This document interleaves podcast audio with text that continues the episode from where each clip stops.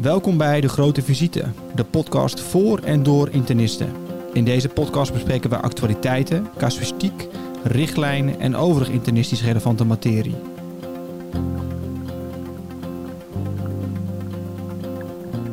Mijn naam is Anna Verhulst, podcast-host bij De Grote Visite. De podcast voor en door internisten. We horen onszelf immers zo graag praten. Bij mij aan tafel vandaag zit mijn co-host Maria Sleddering. En vandaag gaan we praten met Samara Jaber, uh, die directeur is bij de NIV. En Samara, het is wel leuk, want we beginnen deze podcast altijd met dezelfde vraag. Namelijk, als je geen internist was geworden, wat was je dan geworden? Um, maar jij bent geen internist, dus we kunnen die vraag juist een keer andersom stellen, wat hartstikke leuk is. Als jij internist zou zijn, wat voor soort internist zou jij zijn? Goh, nou, je verrast me wel een beetje. Um, ja, ja uh, nou zonder uh, nou één specifieke differentiatie natuurlijk voor te trekken. ik denk dat als je me deze vraag had gesteld voordat ik bij de NIV zou komen werken, dan had ik denk ik geantwoord uh, dat ik de nefrologie een ontzettend interessant aandachtsgebied vind binnen de interne. Ook door eigenlijk een aantal familiaire nierziektebeelden um, die ik ken, waar, waar ik mee te maken heb gekregen. Uh, maar ik denk dat als je het me nu zou vragen, dat uh, uh, de combinatie van, van de acute geneeskunde met een mogelijke andere differentiatie ontzettend interessant zou zijn. Dus ik denk dat dat het dan was geworden. Nou, als acute internist in SP kan ik natuurlijk alleen maar heel blij knikken met dat antwoord. Goede keuze. Um, Samara, wat natuurlijk wel in, interessant is, je hebt al een vrij lange carrière hè, binnen de NIV. Uh, kan je daar wat over vertellen? Hoe ben je terechtgekomen uh, uiteindelijk nu als directeur bij de NIV? Wat is daaraan vooraf gegaan? En tijdens mijn uh, opleiding studie gezondheidswetenschappen aan de Erasmus Universiteit um, deed ik tijdens mijn master een onderzoek naar taakherschikking en voornamelijk de effecten van taakherschikking in de gezondheidszorg. Dat is inmiddels alweer negen jaar geleden, denk ik zo. En nou goed, ik kwam in contact met een aantal mensen bij de NIV die actief waren binnen de NIV met het idee van kunnen we een stuk vanuit het vakgebied van de interne geneeskunde meenemen in dat onderzoek uh, rondom taakherschikking. Nou, achteraf uh, bleek dat toch wat ingewikkeld te zijn en uh, ging dat niet door. Maar dat contact resulteerde wel in een hele leuke baan bij de NIV. Ik ben daar toen begonnen als beleidsadviseur op het gebied van kwaliteitsbeleid. En me daar de afgelopen jaren enorm voor ingezet. En nou, bij de aanvang van de, de pandemie in 2020 uh, deed zich een nieuwe situatie voor en uh, zou er een directiewissel komen. Nou, en dat uh, gaf aanleiding, in ieder geval voor mij, om die functie te gaan vervullen. Wat ik een enorme eer vind, natuurlijk. Yeah. Ja. En kan je, want ik denk dat het voor mij als AIOS is het in ieder geval niet helemaal duidelijk hoe jouw dagen er nou uitzien als directeur van de NIV, wat jouw taken precies zijn. Kan je daar iets over vertellen? Ja, zeker. Um, het is wel enorm gevarieerd. We zijn uh, de op één na grootste wetenschappelijke vereniging, medische wetenschappelijke vereniging. Uh, met een bureau van 16 medewerkers. Maar uh, uh, dat betekent dus ook dat mijn week eruit ziet en gevarieerd is met een, met een aantal activiteiten die zich bezighouden met de managementkant, HR-gerelateerde taken, gewoon de, de technische bedrijfsvoering van een organisatie. Maar het grootste deel van je werk zit hem natuurlijk in het coachen en faciliteren van de medewerkers en alle actieve commissies binnen de vereniging. Zodat zij hun werk goed kunnen doen, dat zij hun eh, expertise ook optimaal in kunnen zetten. En een ander heel groot deel van, van mijn week uh, bestaat uit het adviseren en ondersteunen van, uh, van het bestuur. Ik probeer hen natuurlijk te begeleiden in het voeren van de juiste koers. Het mhm. bepalen van wat onze strategische visie zou moeten zijn. En ik denk dat dat alles uh, natuurlijk belangrijk is, omdat de overkoepelende taak die je hebt, denk ik als directeur, is ervoor zorgen dat we vanuit de vereniging de internist, of in ieder geval de positie van de internist, kunnen versterken. Dat we de internist kunnen positioneren in het zorgveld. En uh, dat doe je door te blijven netwerken, ervoor zorgen dat je de juiste communicatie voert, uh, de lobby inzet. Nou goed, dat is een, een greep van uh, de dagelijkse ja. activiteiten. Klinkt echt heel erg divers. En je raakt er ook al aan, want de NIV heeft dus een bureau en een bestuur. Kan je daar iets over vertellen wat het verschil is? Ja, dat kan zeker. Misschien is het goed uh, om, om te beginnen met uh, wat, wat is nu een vereniging ook? En hoe is dat nou georganiseerd en opgebouwd? En ik denk dat we als vereniging staan we natuurlijk voor om het belang te behartigen. En in dit geval het belang te behartigen van de internist. En uh, nou, dat doe je uh, door de juiste informatie te verspreiden, kennis te verspreiden. Enerzijds richting de eigen achterban, maar ook richting uh, de externe stakeholders die daarin belangrijk zijn. Je zorgt ervoor dat je aan de juiste overlegtafel zit. Je zorgt ervoor dat we juiste projecten en, en onderzoeken kunnen initiëren. Nou, dat doe je natuurlijk in verenigingsverband, omdat je dan als collectief natuurlijk ook sterker staat. Dus als collectief kun je ook beter bepalen wat, of in ieder geval je gedeelde doel of gedeelde passie ook met elkaar bereiken. En uh, een derde belangrijke pijler van het vereniging zijn is natuurlijk uh, het stukje verbinden, het ontmoeten, ervoor zorgen dat je de mensen met wie je eenzelfde passie deelt of eenzelfde doel deelt bij elkaar kunt brengen. Dat, je, dat het natuurlijk ontzettend fijn is om lid te zijn van zo'n club. En, en om dat allemaal, die drie pijlers zo als vereniging ook goed te kunnen faciliteren en dat uh, goed tot uiting te kunnen laten komen, hebben we een bureau uh, die ervoor zorgt dat, dat, uh, dat we dat met elkaar kunnen bewerkstelligen. En ons bureau bestaat uit 16 medewerkers. En ik zeg eigenlijk altijd dat bureau zorgt voor de continuïteit binnen de vereniging. Die zorgt dat al die facetten hè, waarom je een vereniging bent ook goed kunt laten lopen. En uh, kun je zien als de motor van de vereniging. En al die commissies en secties waar we er, nou, ik denk dat we rond de 35 uh, commissies, secties, werkgroepen hebben die actief zijn binnen de vereniging. Die zijn de katalysator, dus die zorgen ervoor dat, dat dingen echt ook gebeuren. Dus wij als, als bureau ondersteunen dat, maar we hebben uiteindelijk echt ook de actieve leden nodig om ervoor te zorgen dat het uh, daadwerkelijk van de grond komt en dat we een beweging in gang kunnen zetten. En het bestuur geeft uh, bepaalt de koers, dus die geeft sturing aan, aan de vereniging. Dus die bepaalt uiteindelijk de strategische visie. En uh, mijn rol is daarin ook om uh, met elkaar ervoor te zorgen dat die strategische visie als een rode draad door alles loopt dat we als vanuit de vereniging doen. Ja. Dat is een beetje de verhouding van hoe we als vereniging georganiseerd ja. zijn. Dankjewel. Ik denk dat dit voor heel veel luisteraars, of in ieder geval voor mij, heel verhelderend is over wat nou een verenigingsstructuur is. Je raakt ook al even aan de, hè, de strategie en de speerpunten. Daar komen we zo graag nog even op terug. Ja, en uh, ik vroeg me af, want je had het al even over netwerk en uh, met andere verenigingen, dingen met, want welke partners hebben jullie dan veel uh, contact met andere wetenschappelijke verenigingen, met de FMS? Hoe zit dat dan een beetje? Ja, dat zijn, je noemt al een aantal hele belangrijke stakeholders. Uh, ik denk dat uh, we zijn wekelijks in contact met collega-verenigingen. Uh, want we voeren met elkaar natuurlijk op dezelfde thema's beleid. vanuit interne geneeskunde werken we natuurlijk heel erg multidisciplinair op de werkvloer. Maar dat betekent ook dat je multidisciplinair werkt op verenigingsniveau. Dus daarmee zijn de andere wetenschappelijke verenigingen een hele belangrijke samenwerkingspartner. Met die andere wetenschappelijke verenigingen zijn we natuurlijk verenigd in een federatie. Wat het collectief natuurlijk nog sterker maakt op een aantal thema's. Nou goed, dus dat zijn belangrijke gesprekspartners. Die zorgt ervoor dat je op de hoogte bent wat daar speelt. Maar ook dat je daar aan de juiste overlegtafel zit om uh, onze input daar ook uh, te kunnen uh, brengen. En nou, wellicht ook echt daadwerkelijk voor sturing te kunnen zorgen. Zodat we met elkaar een koers varen waarvan wij denken dat die gewenst is. Uh, maar buiten uh, dat stukje om uh, kennen we natuurlijk de relevante stakeholders als, als patiëntenvereniging, waar we echt ook wekelijks contact mee hebben. We betrekken hen in onze richtlijnontwikkeling, in kwaliteitsprojecten, bij registraties. we voeren het, allerlei projecten op het gebied van patiëntinformatie en keuzehulp. Nou, daar betrek je natuurlijk die patiëntenverenigingen bij.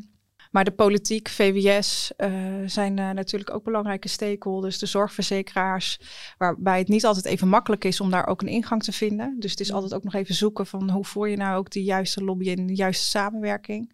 Nou, dat is een greep van een aantal uh, relevante stakeholders. Ja.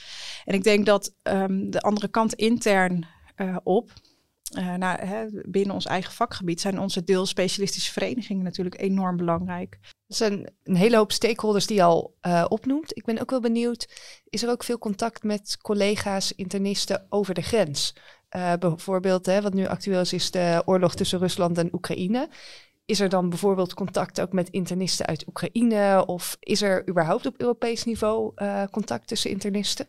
Ik denk, even voor dit specifieke voorbeeld, is er um, uh, niet, nog niet heel veel contact geweest. Er is uh, wel op Europees niveau hebben de, de verenigingen elkaar opgezocht.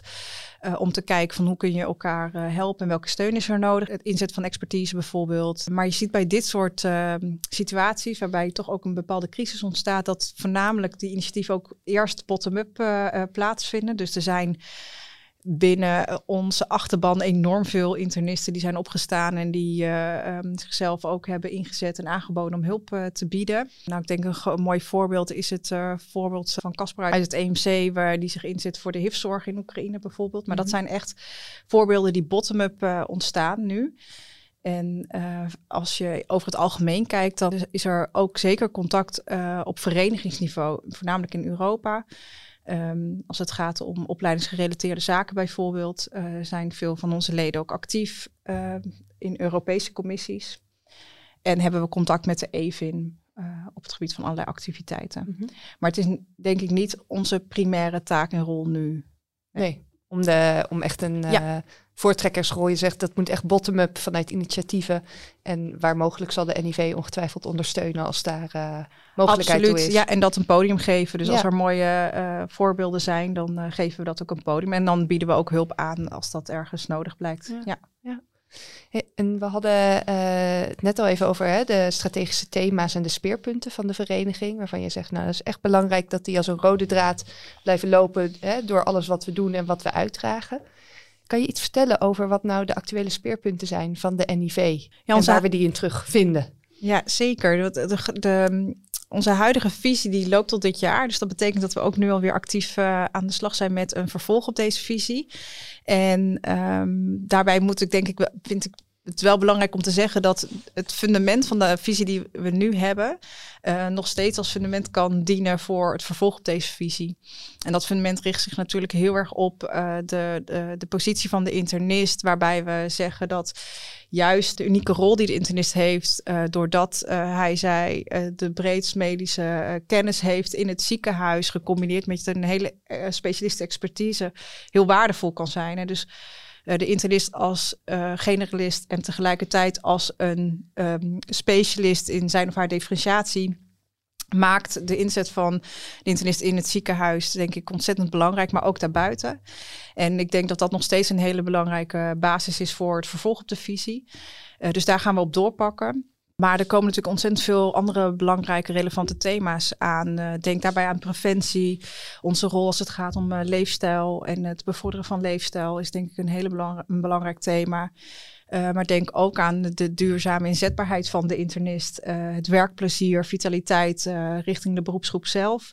Maar ook het creëren van, van de juiste werkgelegenheid. Hoe behouden we ons domein? Hoe verbreden we ons domein wellicht? En, en hoe zorg je ervoor dat, nou ja goed, we hebben natuurlijk, we zijn naar een situatie toegewerkt waarin je vanuit interne geneeskunde allerlei silo's hebt. Hè? De differentiaties een beetje als silo's kunt zien. Maar hoe zorg je er nou voor ook dat je in de toekomst als internist, je jij hebt dan Anna voor de acute geneeskunde gekozen. En stel je voor, ik zou uh, over een x aantal jaar me toch ook bezig willen gaan houden met een, een van de andere differentiaties. En me willen gaan specialiseren in de, in de infectieziekte of iets dergelijks.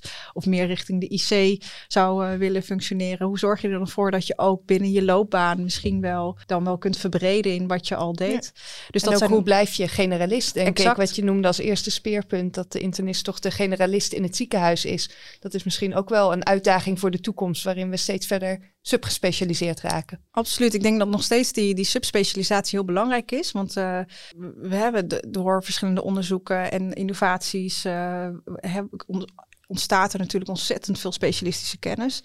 Dus uh, die is ook belangrijk. Maar juist de combinatie met die brede basiskennis maakt jullie zo waardevol in het ziekenhuis. Ja. Dus ik denk dat dat enorm belangrijk gaat zijn. En, en ik denk ook dat dat als je kijkt naar alle uitdagingen die ons te wachten staan in de, in de zorg uh, de komende tijd en het tegengaan van verdergaande fragmentatie uh, in die zorg, dan uh, is het denk ik juist heel belangrijk om die rol te behouden en ja. te versterken. Te pakken. Ja. ja. Nou, mooi verteld. kunnen wij het alleen maar mee eens zijn, denk ik. Um, en uh, je had het al heel eventjes over het onderwerp werkgelegenheid. Dat is natuurlijk ook wel een hot topic. Uh, hè, die jonge klaren die, uh, of de, nou ja, de IELTS die in de laatste fase van de opleiding zitten en zich toch misschien zorgen maken over heb ik straks wel een baan na al die jaren opleiding. Is dat ook iets wat binnen de NIV nu aandacht heeft? Of hoe kijken jullie daar tegenaan? Nou, het heeft zeker de aandacht. En we werken hierbij heel erg nauw samen met de JNIV het bestuur van de JNIV. We zijn, uh, nou ik denk nu twee jaar geleden ook begonnen om een beeld te krijgen van nou, welk probleem is er nu en hoe groot is dat probleem? De JNV zet zich daar enorm ook actief voor in. Die heeft een, een mooie enquête uitgezet. Dat heeft enorm veel inzichten opgeleverd. En dat die inzichten eh, zijn ook besproken met het NIV-bestuur. En dat heeft ook aanleiding gegeven om een taskforce werkgelegenheid in te stellen. En met die taskforce uh, proberen we te kijken naar wat zijn nou mogelijke oplossingsrichtingen. Want als we echt denken dat er op dit moment uh, een enorme krapte is op die arbeidsmarkt, dat, dat, dat, we, dat er een werkloosheid ontstaat.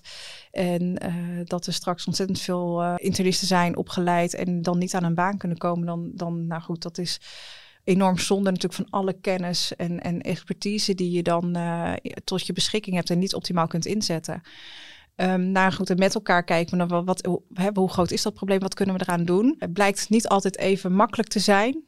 Eh, want uh, je merkt gewoon dat je te maken hebt met een, een macro-budgetair kader. We hebben gewoon een financieel kader waar we mee te maken hebben, waardoor het dus zo moeilijk is, ook voor vakgroepen, om uit te breiden. Terwijl we met elkaar aan de andere kant zien dat er een enorme werkdruk is, dat er eigenlijk ook genoeg werk is voor internisten in de ziekenhuizen. En dat het zo mo moeilijk is om die vakgroepen uit te breiden. Dus dat is een politieke discussie die we ook proberen te voeren richting de politiek, die we samen met de federatie ook proberen te voeren. Als hoe zorgen we ervoor dat er ook ruimte gecreëerd kan worden voor die specialismen, waarvan we zien dat de zorgvraag ook binnen die vakgebieden stijgt en blijft stijgen de komende jaren. Tegelijkertijd moeten we ook natuurlijk wel waakzaam zijn op het niet blijven opleiden tot werkloosheid. Dus dat is een spanningsveld die we met elkaar aan moeten gaan en waar zeker ook de aandacht voor is. Hm. Zou ook niet een thema zijn dat 1, 2, 3 uh, helemaal opgelost zal worden op korte termijn, vrees nee, ik? Zeker nee. niet. Nee. nee. Um, Samara, om uh, af te sluiten heb ik eigenlijk een vraag. Ik kan me voorstellen dat er mensen zijn die luisteren, AIOS of internisten, die de NIV wel kennen natuurlijk als hun beroepsvereniging. En misschien ook wel denken van, goh, ik vind het leuk om wat meer voor de vereniging te doen of beter betrokken te raken, maar gewoon niet zo goed weten wat een eerste stap daarin is. Wat, wat voor tip kan je uh, AIOS of internisten meegeven die ook wat meer betrokken willen raken bij de vereniging? Ik neem contact op. Ik denk dat we hebben een aantal uh, medewerkers met verschillende expertise op het uh, bureau zitten die zich bezighouden met kwaliteitsprojecten, met opleiding, met wetenschap. Uh, het hele bekostigingsvraagstuk, hè, wat vaak ook heel belangrijk is in het beroepsbelang.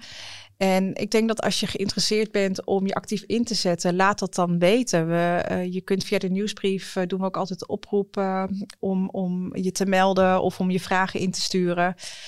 Dus dat kan altijd. En we kunnen altijd met elkaar gaan kijken van waar je je dan specifiek zou in willen, zet, ja. in willen zetten. Ja, ja. Dus meld je en dan Absoluut. is er ja, er is iedereen wel een plekje te Absoluut, vinden. Ja. Leuk. Samara, hartelijk dank voor je komst naar de podcaststudio en voor de toelichting uh, ja, bij de organisatie van de NIV. Heel erg graag gedaan. Ja, ontzettend leuk om uh, hier uh, te zitten. Dankjewel voor het luisteren naar deze aflevering van De Grote Visite, een podcast van de Nederlandse Internistenvereniging. Dank aan mijn podcastcollega's Maria Sleddering, Bas Blok, Lara Hessels en Dirk-Jan Mons. Productie van deze podcast is in handen van Met Online. Vond je het leuk om te luisteren? Vergeet dan niet om je te abonneren op het podcastkanaal van De Grote Visite en deel deze podcast met je collega's. Tot de volgende keer.